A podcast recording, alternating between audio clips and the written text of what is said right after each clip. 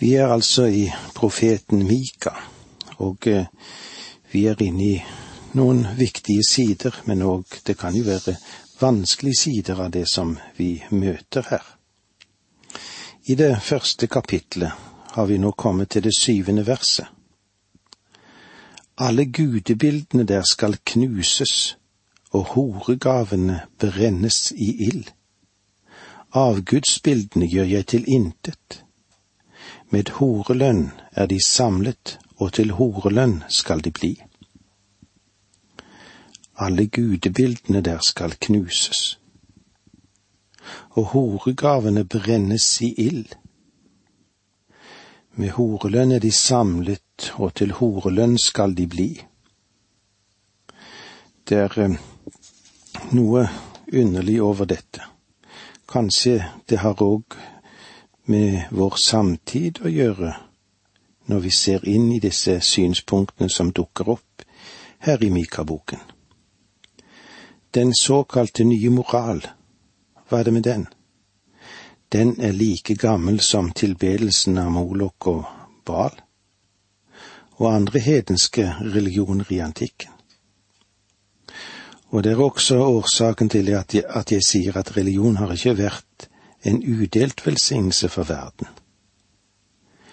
Religion har holdt mennesket nede i slaveri, eller det har vært med på å hisse dem opp til krig. Her må jeg få lov til å si at kristendommen rett forstått egentlig er ikke noen religion. Kristendom er noe helt annet, det. Kristendom er en person. Den Herre Jesus gjorde det helt klart da han sa det som står i Johannes evangelium i det åttende kapitlet der, og i det 36. verset. Får Sønnen frigjort dere, da blir dere virkelig fri. Han kan fri deg fra det syndige. Han kan fri deg fra tomme religiøse bindinger.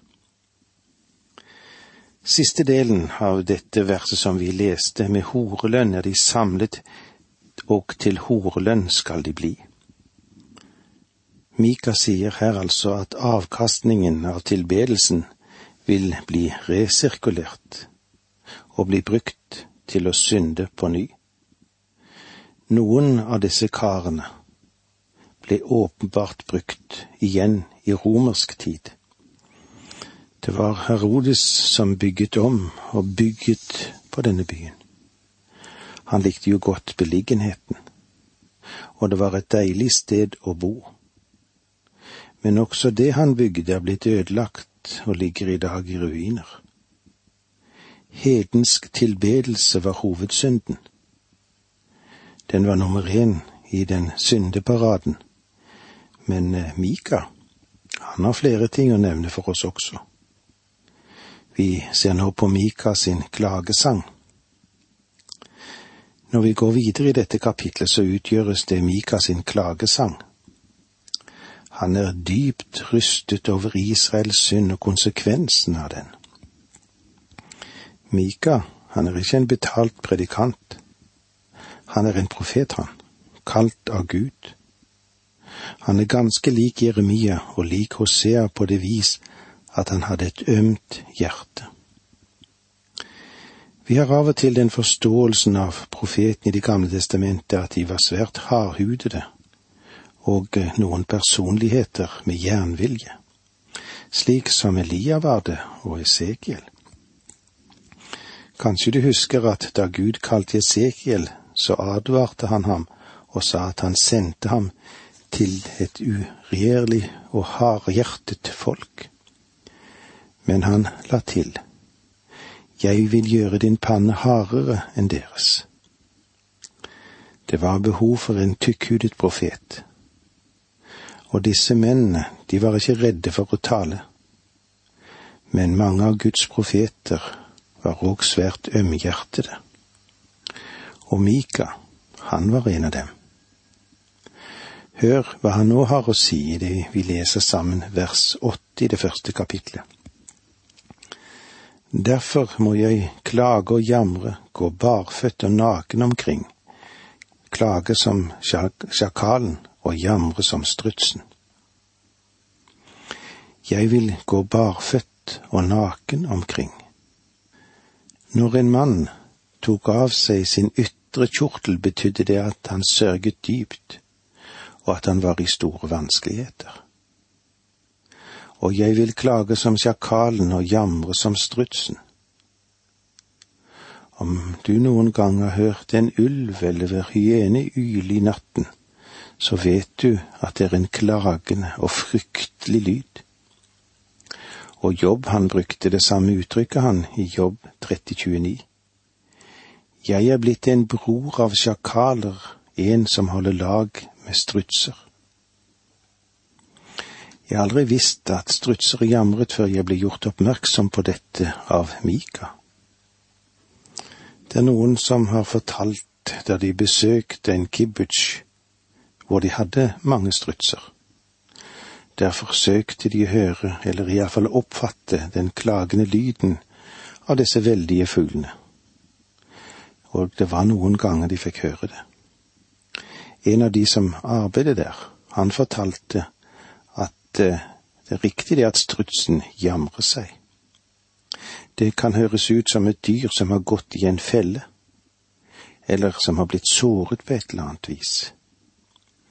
Mika sa at han ville klage på samme måten som strutsen jamrer seg. Med andre ord, dette budskapet som denne mannen, altså Mika, fikk å gå med til folket, virket like sterkt på ham som det budskapet Jeremia fikk å gå med det som influerte hans liv.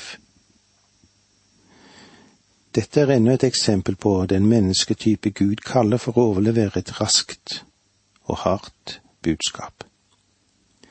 Det må være en mann med et ømt hjerte om budskapet har særlig skarpe kanter.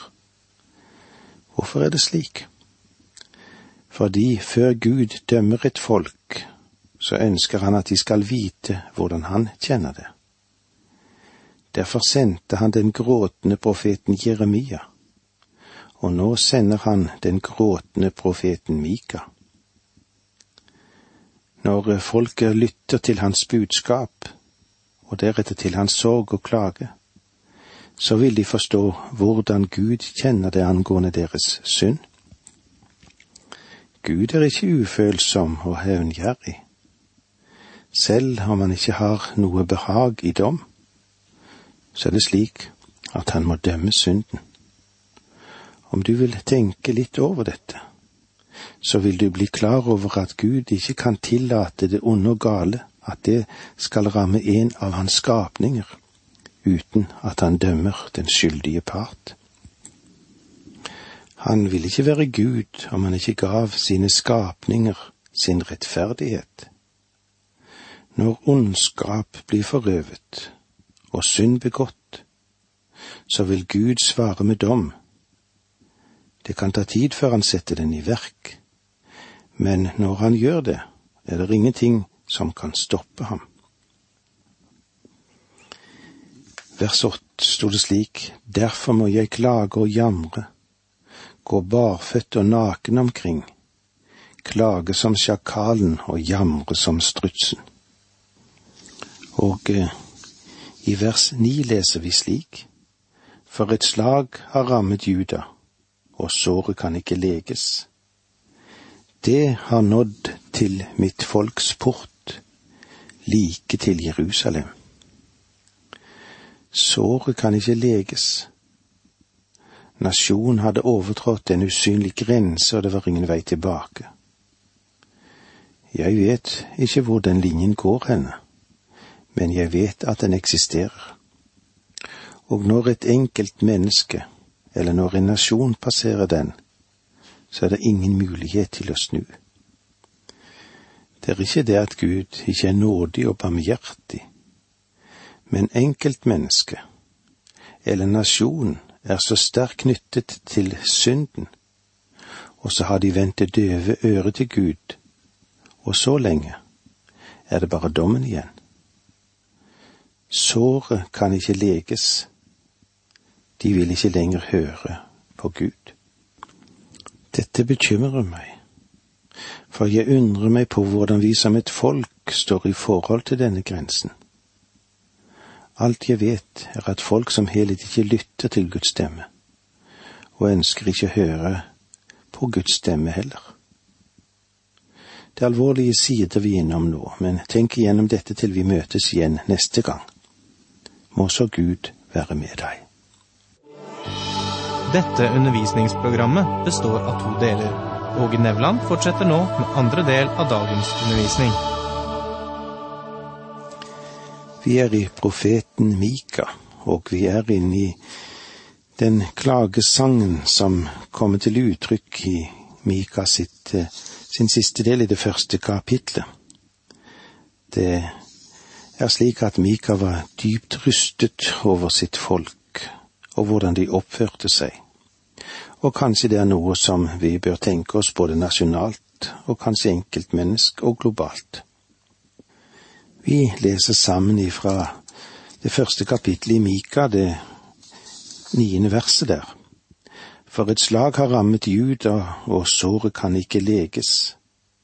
Det har nådd til mitt folks port, like til Jerusalem. Sår kan ikke leges. Nasjonen hadde altså overtrådt en usynlig grense, og det var ingen vei tilbake. Gud er ikke nådig, det er så, men han er òg barmhjertig. Han vil gjerne hjelpe enkeltmennesker og nasjonen ut av det de har kommet inn i. Vi må være klar over at på tross av en åpenhet og mottagelighet for Guds ord, som det finnes rundt omkring, så er spørsmålet hvor dypt går nå dette? Er det å høre Guds ord og være lydig mot Guds ord likeverdige begreper? Er det mulig å leve i synd og likevel tale om å elske Guds ord? Hvordan er det, tror du? Nei, Herren lar seg ikke føre bak lys i denne sammenheng, eller i noen annen sammenheng, for det er slik dommen venter, der det religiøse bare blir en ytre staffasje. Og såret kan ikke leges. Det har nådd til mitt folks port, like til Jerusalem. Den asyriske hæren under Sankireb kom fra nord og beveget seg gjennom Nordriket. Han er kommet så langt som til Jerusalems murer, og kong Hiskia var redd for at de skulle ta byen. Men Gud ba Jesaja om å si til folket at Jerusalem ikke skulle bli invadert, men at dette skulle være en advarsel for dem. Vel, Juda tok hensyn til advarselen for en kort tid, men de ristet den snart av seg og gikk tilbake til sin avgudsdyrkelse og til sin synd. Dagen kom da Gud også måtte dømme Juda som han hadde dømt Israel. Og nå får vi en serie navn på ti forskjellige bysentra som var under innflytelse av Samaria og Jerusalem. Ikke alle disse stedene står på kartet, men listen den begynner i nord med Samaria og beveger seg sydover mot Jerusalem og forbi Jerusalem. Betydningen av disse navnene gir oss også et ordspill. I vers ti leser vi slik. Fortell ikke dette i gat.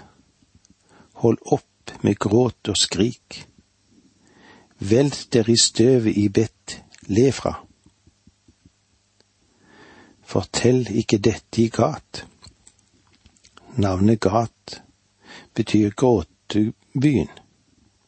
Gud sier gråt ikke ved gråtebyen.